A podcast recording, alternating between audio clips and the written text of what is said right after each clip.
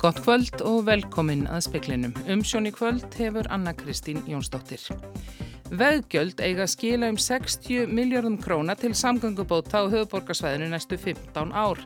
Innheimtar erðu 2-600 krónu fyrir hverja ferð um stopnaðar borgarinnar. Tali er að rekja megi tvö óhöpp í hringtorkum á Vesturlandsvegi til þess að Malbyggi þar verður sérstaklega hálft í bleitu. Breska ríkistjórnin hegst áfríja niðurstöðu Skosks áfríðinadómstóls um að hlje á störfum Breska þingsins til 14. oktober sjó ólöglegt. Þess er krafist að þingi verði kallað aftur til starfa. Þótt John Bolton, fyrirverandi þjóðar öryggisræðgjafi bandaríkjaforsetta, hafi verið sagður arkitektinn að norður slóða stefnu hansins er ekki líklegt að brottkvarf hans breyti þeirri stefnu mikill, segir fyrirverandi sendi herra Íslands Vestanafs. Samgöngu framkvæmdir á höfuborgarsvæðinu verða fjármagnaðar að stórum hluta með veðgjöldum á stopnæðum höfuborgarinnar. Sundabraut verður ekki lögð á næstu 15 árum nema hún verði í enga framkvæmdi. Sigurður Ingi Jóhansson, samgöngur á þeirra og fulltrúi samtaka sveitarfélaga á höfuborgarsvæðinu kynntu kjörnum fulltrúum sveitarfélagana framtíða sín ríkis og sveitarfélaga í samgöngumálum í morgun.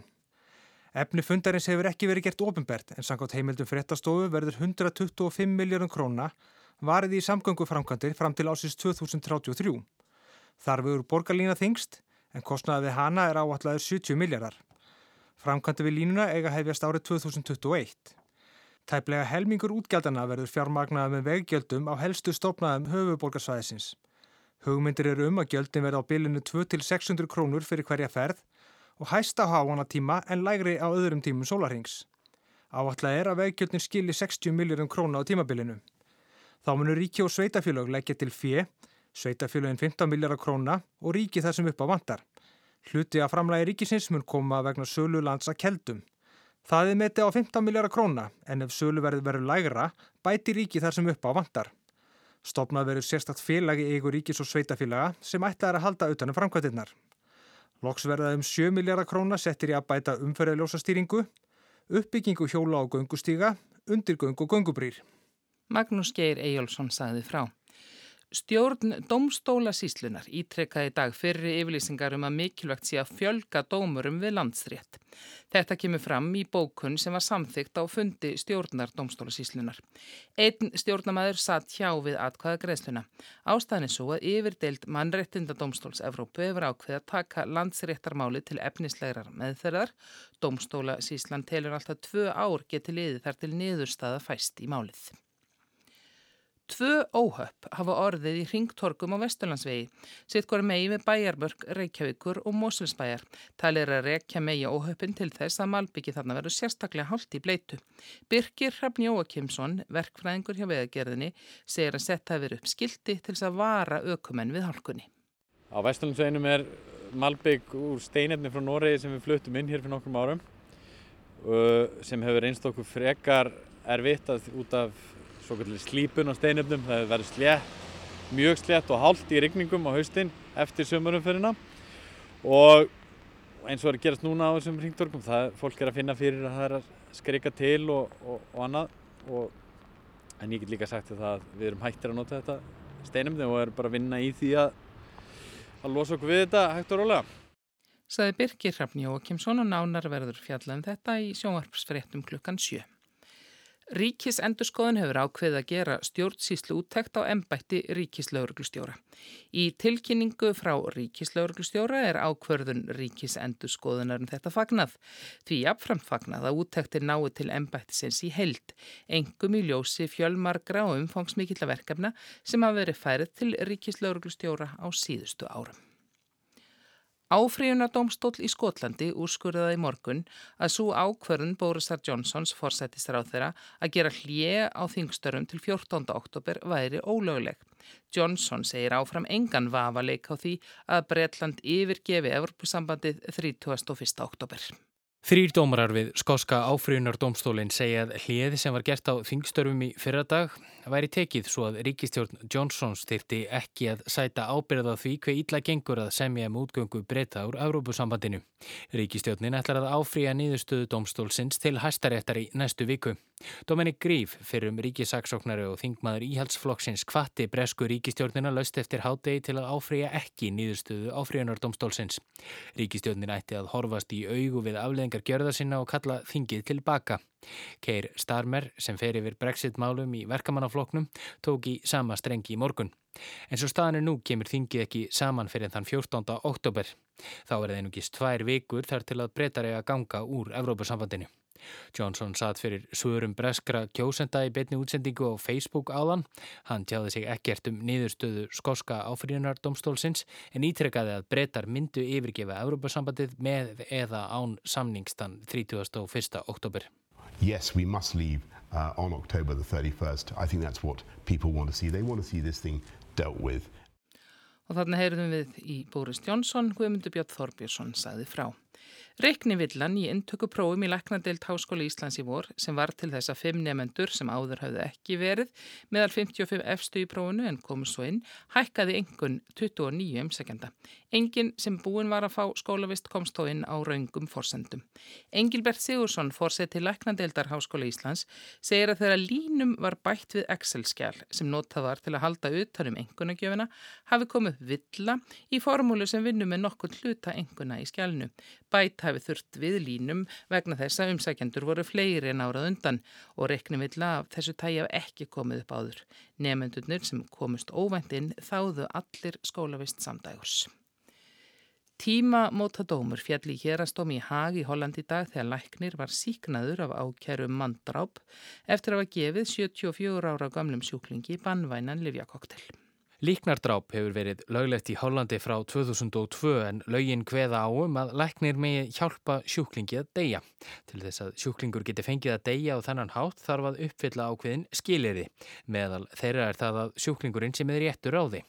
Hollenski læknirinn var ákerður þar sem ekki þótti ljóst að sjúklingurinn, 74 ára gömul kona með heilabilun, hafi enn viljað deyja. Hún hafi skrifað undir yfirlýsingu þess efnis að hún vildi fá aðstóð við að deyja en í hvert skipti sem hún var spurð svaraði hún því að nú væri ekki rétti tímin. Að endingu setti læknirinn liv út í kaffi sjúklingsins og let fjölskyldu konunar halda henni á meðan hann spröytaði hana með banvænu lifi. Niðurstöða áfríðunardómstólsins var svo að læknerinn hefði þó ekki brotið lög. Sjúklingurinn hefði ekki lengur þekkt sjálfa sig í spekli. Dómurinn þykir fordæmiskefandi í málum sem snúað líknardrápi á sjúklingum með heilabilun en líknardrápi er mjög sjálfgeft í tilfelli sjúklinga með heilabilun. Guðmundur Björn Þorbjörnsson sagði frá. Stór hluti af starfsmannathorpi sem reist var á reyðarfyrði vegna byggingar álvers fjárðaáls er á förum úr fyrðinum. Upphafalega var í þorpinum plás fyrir um 2000 starfsmenn en hægt hefur gengið að selja húsin. Þá kom upp ósætti millir eiganda og álversins sem yfirtók búðuna fyrir tveimur árum og er máli komið fyrir dóm. Vinnubúðunar og dót eða rusl þeim tengt hefur verið þyrnir í augum bæjareyfuvalda og í vor voru þau 20 hús sem eftir voru auglist til sölu. Flest þeirra stórar svepskála lengjur og hver yfir 360 fermentrar. Samkvæmt upplýsingum fréttastofu eru 8 hús seld eða komin í söluferli. Það er að 5 heila lengjur og verður þetta allt fjarlagt síðar í mánuðunum. Einlengjan er gjör, ónýtt, glukkar og annað nýtast í varahluti. Talsverður fjöldi fólks býður eftir að fá að kaupa stakar einingar úr lengjónum en er þó nokkuð óselt af vinnubúðanum. Katrín Jakobsdóttir, þeirra, flyttur stefnuræðu sín á alþingi kvöld og eftir það fara fram umræður um hana. Bein útsending verður í sjónvarpinu og hefst svo útsending hálf átta. Þingfundi verður líka líst í beinni textalýsing á vefokkar.ruf.is. Formenn allra stjórnmálaflokka taka þátt í umræðunum nema Bjarni Bendiktsson, Þórdís Kolbrún Reykjörð Gilvadóttir, varaformaður sjálfstæðisflokksins, talar í fyrstu umferð.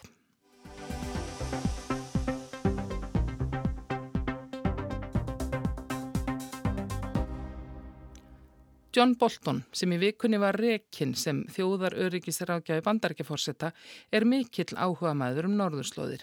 Sumir segja að hann hefði verið einn af arkitektum norðurslóða stefnu bandaríkjana en nú er Bolton hættur og þá vaknar svo spurning hvort brottkvarf hans hafi áhrif á áhuga og umsvið bandaríkjana hér um slóðir. Fyrverandi sendiherra Íslands Vestanhafs telur það ólíklegt. Hann hefur aldrei séð stríð sem húnum líst ekki vel á.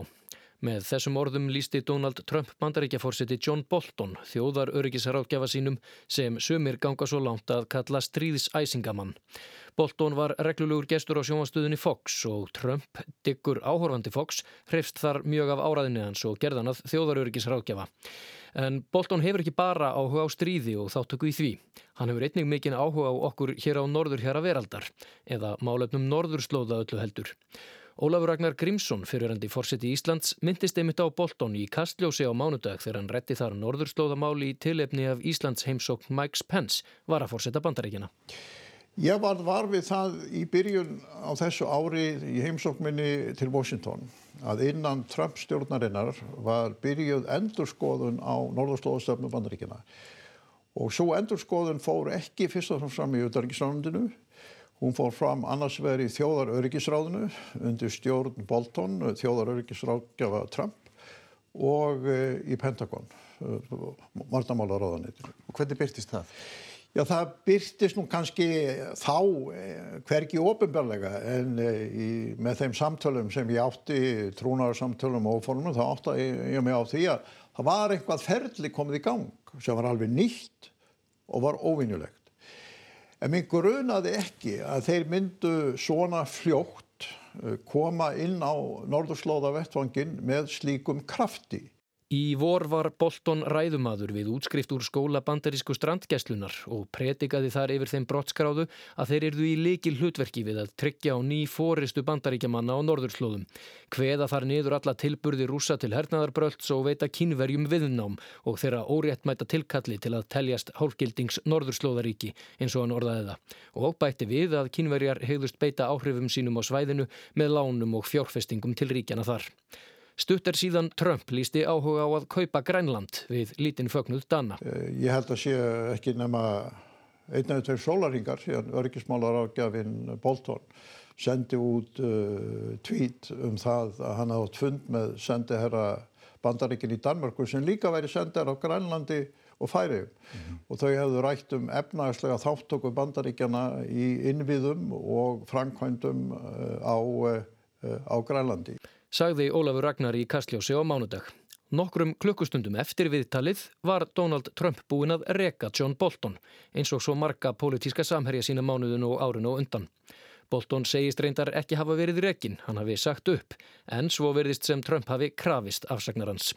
Og þá vagnar spurningum hvort brottkvarf hans megi að einhverju leiti skýra með þessari breyttu norðurslóðastefnu eða hvort brottkvarfið eigi eftir að hafa einhverju áhrif á hana. Mér finnst það frekar ólíklegt segir Albert Jónsson fyrirverandi sendiherra Íslands í bandaríkjunum sem fylst hefur vel með vendingum bæði í málefnum norðurslóða og bandarískum stjórnmálum. Það er alveg rétt að Bolton beitti sér fyrir þessari norðurslóðastefnu og hafði persónlegan áhuga ennum. Bara í síðustu viku var í frettum hann átti fund með uh, bandarísk, nýjum bandarískum sendiherra í Danmörku sérstaklega til að ræða norðurslóður og, og fáið þetta Grænland. Um, hins vegar áður en Bolton kom til sögu í, í stjórninni sem var minnum í fyrra voru, apríl í fyrra að þá hafði landhóknaráðuniti bandaríkjana mótað ákveðna stefnu hvað varða norðurslóður og þá er ég að tala um stefnu sem lítur á því að bregðast við hlínun, áhrifum hlínunar jarðar á norðurslóðum og bránunar, bránunar uh, heimskauta ísins Eh, síðan eru bandaríkin að hafa, hafa áratögun saman haft mjög stóra og aðra hagsmunni á norðurslóðin sem lúta að kjarnorku jávæginu millir bandaríkjana og Rúslands en eh, þannig að þó að, að Bolton sé farin þá higg ég að, stefna Pentagon verður auðvitað áfram hagsmunir bandaríkjana verða áfram og eru tiltölu augljósir en svo er líka annað norðurslóða stefnan kallar ekki á næstu árum jáfnvel einhverjum áratum ekki á neinar rótækar eða stórar aðgerðir hún kallar ekki á einhver mikil útlát minnst kosti ennum sinn í fjárútlát þar að segja Þannig að um, mér, mér finnst ólíklegt að, að brottkvar Bolton og það að hann persónulega hefði áhuga á, á norðurslóðstefnunni breyti miklu. En af hverju skildi Trump hafa látið Bolton fara? Albert telur að persónuleikjans hafi haft þar sitt að segja. Sem við vorum hissað þegar hann valdi Bolton en, en minnir að fórsetin hafi sagt að hann líkaði holningin á honum og, og, og, og hvað hann var töff. Síðan hefur fórsetin mæntanlega og skiljanlega gert ráð fyrir að, Bolton myndi vinna fyrir fórsetan en ekki færi ekki að vinna fyrir sjálfan sig en hann mun sagt, hafa farið aldrei solo nú síðast um helgina varðandi hugsanlega viðræða við Talibana sem að reynda fórsetin hætti við að annari ástæðu vegna þess að bandarísku fermaður fjall í hriðverkárós og ég held samt að svona undirlíkjandi stór ástæða lítur af því að Í kostningabarátunum 2016 þá talaði Trump mjög ákveðið um það að hann myndi breyta um stefnu bandaríkjana. Bandaríki myndu hætta að beita bandaríkja hér í fjallægum heimslutum, fjallægum löndum til að hafa afskipti á innanlandsmálum, innanlandspolítik, skipta um ríkistjórnir og svo framvegis. Bolton er á tölvöld annari línu og var eindregin stuðningsmaður innrásarinnar í Afganistan og innrásarinnar í Írak og, og eindregin stuðningsmaður almennt að vera með segja, aktífa stefnu að þessu leiti. E, það er sagt að hann hafi talað fyrir íhlutun í Venezuela sem hefði þá miðað að því að nota bandaríkja hér til að skipta þar um, um stjórnvöld. Óljóst en ég hef séð þetta því ég er haldið fram að hann hafi talað fyrir þessu. Og það myndi alveg passa við hans feril hans reynslu fyrir því störf Donald Trump er ekki sérlega hrifin af stríði. Í kostningabaróttunni talaði hann gegn bæði stríðinu í Írak og Afganistan, sagði að þau kostuðu bæði peninga og mannslíf. Og þótt hann sést undum döglugur að hóta hernaðar í hlutun, hefur hann síðan unnið að því að draga bandaríst herlið heim frá miðausturlöndum.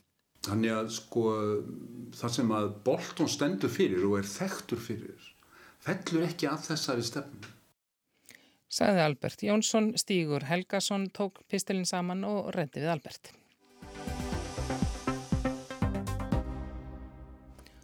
Horfur er á að reysur dífu sem ferðarþjónustan er í eftir magalengdinguna í mars þegar váer var gæltróta fari hægt af stað.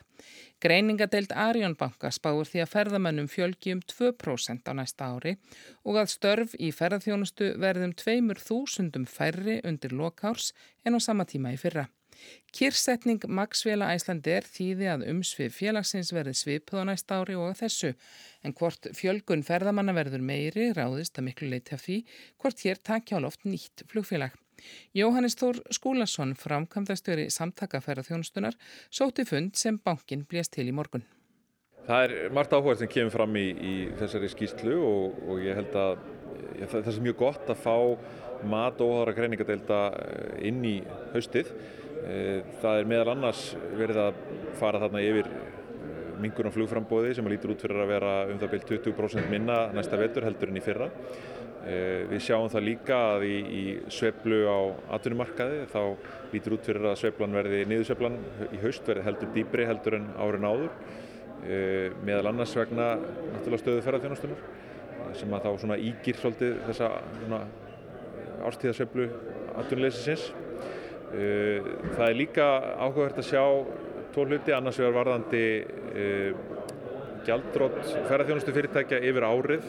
Þau eru hefðbundið mest á haustin, flest í november. Þegar að svona há önninu á auslunum er lokið þá fara minn og gera upp reksturinn og þá kemur ljós hvort að fyrirtækin eru, eru rekstrarhefið ekki og, og því miður þá hefur það verið þannig að í, í nógumber þá, þá eru flest gjaldrótt ferðarþjónustu fyrirtækja og hér var verið að, að spá því að þau verði heldur fleiri líklega í ár heldur verið hefur undanferðin ár. Eh, það náttúrulega veldur okkur ákveðnum áhugjum eh, en er svona kannski í samræmi við það sem við höfum verið að búast við því miður inn í, inn í haustið. Eh, það hefur náttúrulega að gera mikið með aðra rekstrar aðstæður svona almenna rekstrar aðstæðu fyrirtækjana gríðarlega mikinn kostnað við rekstur fyrirtækja á Íslandi bæði fastan kostnað, ímsa skattkostnað og, og fleira. Eh, kannski til jafnsið að ég vel í rauninni meira heldur en þessi fækkun ferðamannan hefur til með að segja. Þetta eru rækstra aðstæður sem að skiptir máli að stjórnvöld horfi á og reyni að bæta eh, til dæmis í samhengi við fjárlaga frumvarpið sem að nú er komið fram og þar eru tækifæri heldur til þess að gera betur kakvart ræksti fyrirtæki á Íslandi. Nú, uh, það er líka áhugavert að sjá að það er verið að fara þarna yfir uh, ákveðna greiningu á því hverju sætir þessi hækkun á, á neyslu ferðamanna á Íslandi. Það er að segja að uh, neysla ferðamanna á Íslandi í ár, fyrstu sex mánuði ársins, er herri heldur en hún hefur verið undanfærin ár, bæði í krónum og í erlandri mynd og það er náttúrulega ánægilegar fréttir. Það er hins vegar búið að vera svona ákveðin áhuga á því að vita að hvaða leiti þessi breyting er vegna breytinga á meðaltölum uh, og, og, og annar hluta en ekki kannski beitna breytinga á því að ferðamadurinn sé að greiða meira eða þar sé koma annar hópur.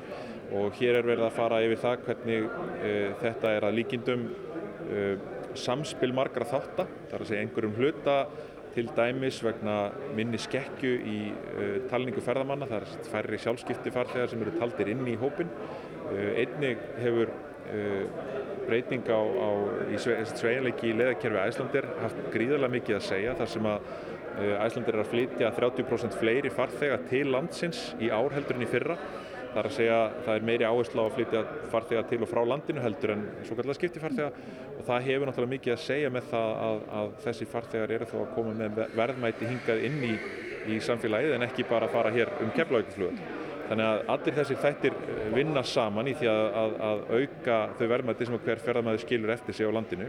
En þar verður þó að hafa í huga að árið í fyrra var algjört lágildi af því leiti þar að segja það var algjört lágildi varandi það hvað hver ferðamæður skildi eftir sig í, í samfélagi. Jóhannes segir að því fari fjari að samhengi sé millir fjölda flugfarþega sem hingað koma og þess hversu miklar tekjur þeir skilji eftir sig.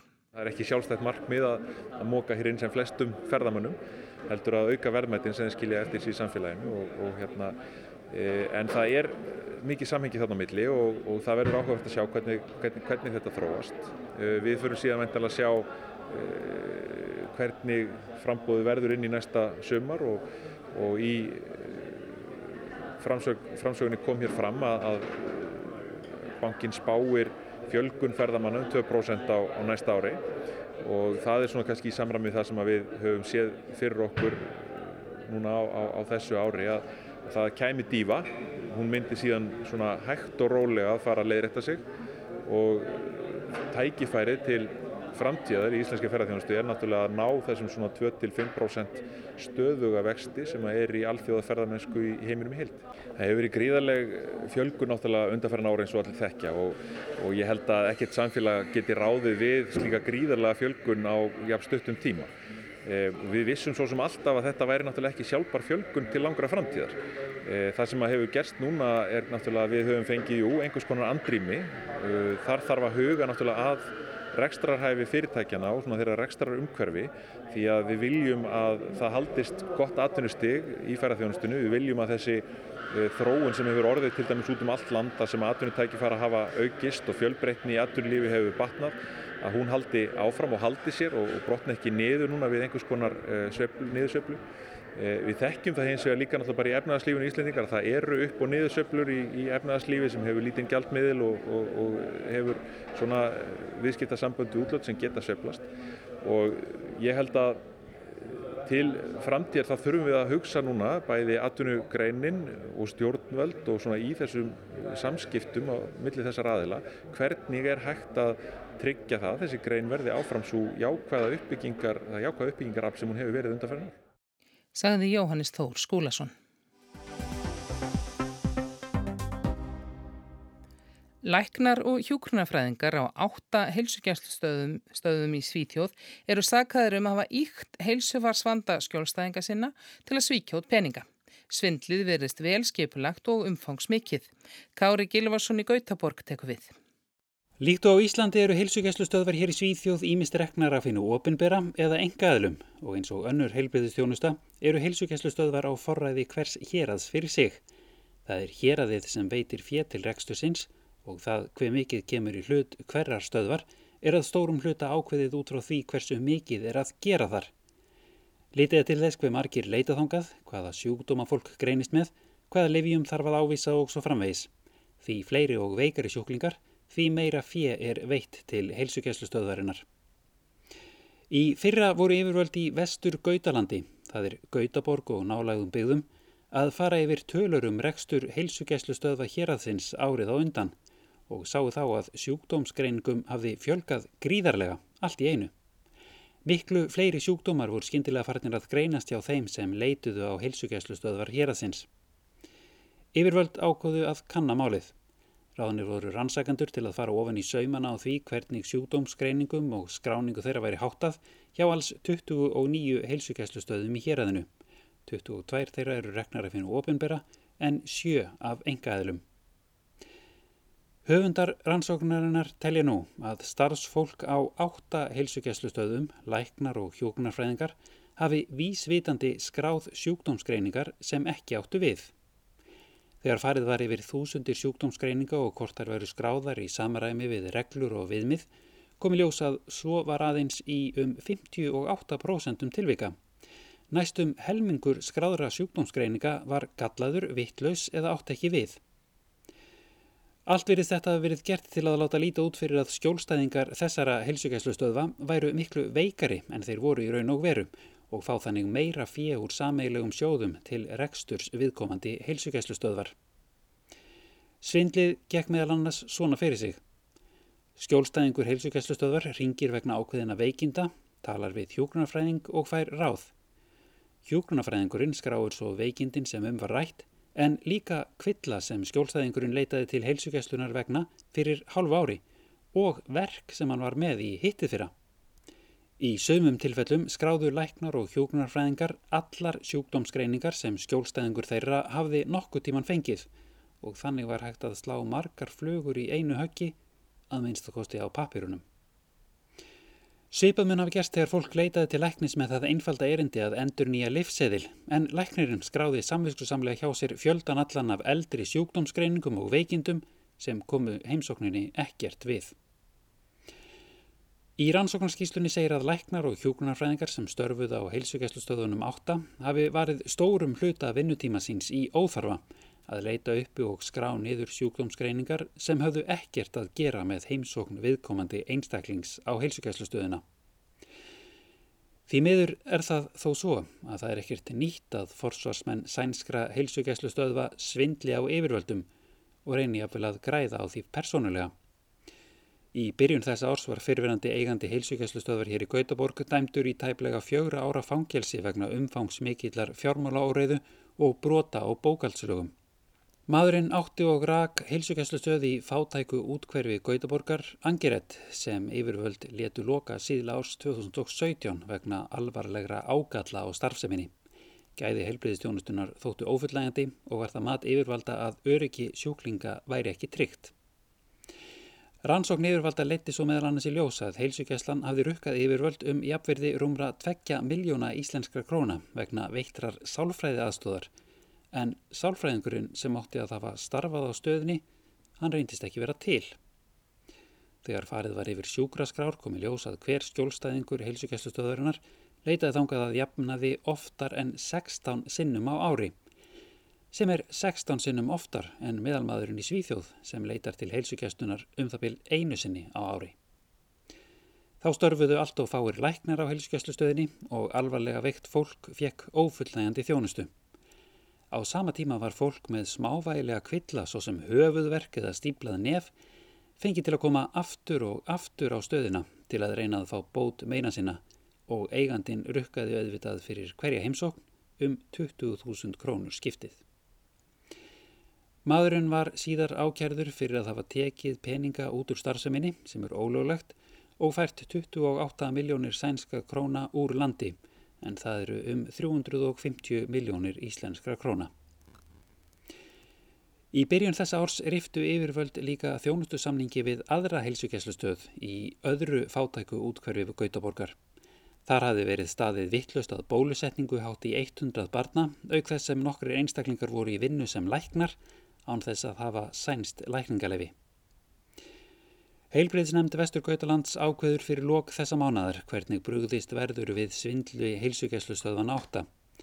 Forsvarsmaður nefndarinnar hefur líst í yfir að afleiðingar af svindlunu verði að öllum líkindum efnahagslegar. Það er að segja að þær heilsugjæslustöðvar sem hafa svindlað fái einfallega minna rekstrarfið næstu misseri. Málið er hins vegar ekki litið svo alvarlegum augum að stjórnmálamenn í héræðinu vilji láta loka viðkomandi heilsugjastlustöðum og að grípa til aðgerða gagvar þeim einstaklingum sem tengjast málinu virðist ekki hafa komið til tals. Kári Gilvason, Gauðaborg. Og veðurhorfur eru þær að það verður fremur hæg, norðanlega átt og væta norðan og austanlands, annars vestan kaldi og skúrir, suðu vestlagar áttir og skúrir sunnan og vestanlands á morgun og vegagerðin bendir á að rekna megi með hálku og jafnvel snjó á auksnandalsheiði í nótt og snemma í fyrramálið, þá gráni víðar í fjöll norðalands og á norðanverðum vestfjörðum og vekur sérstakka aðtikla því að þjónust á vegum er í lámarki svo snemma hustsins. En fleira er ekki í speklinum í kvöld, tæknimaður í útsendingu var Martin Martinsson, verið sæl.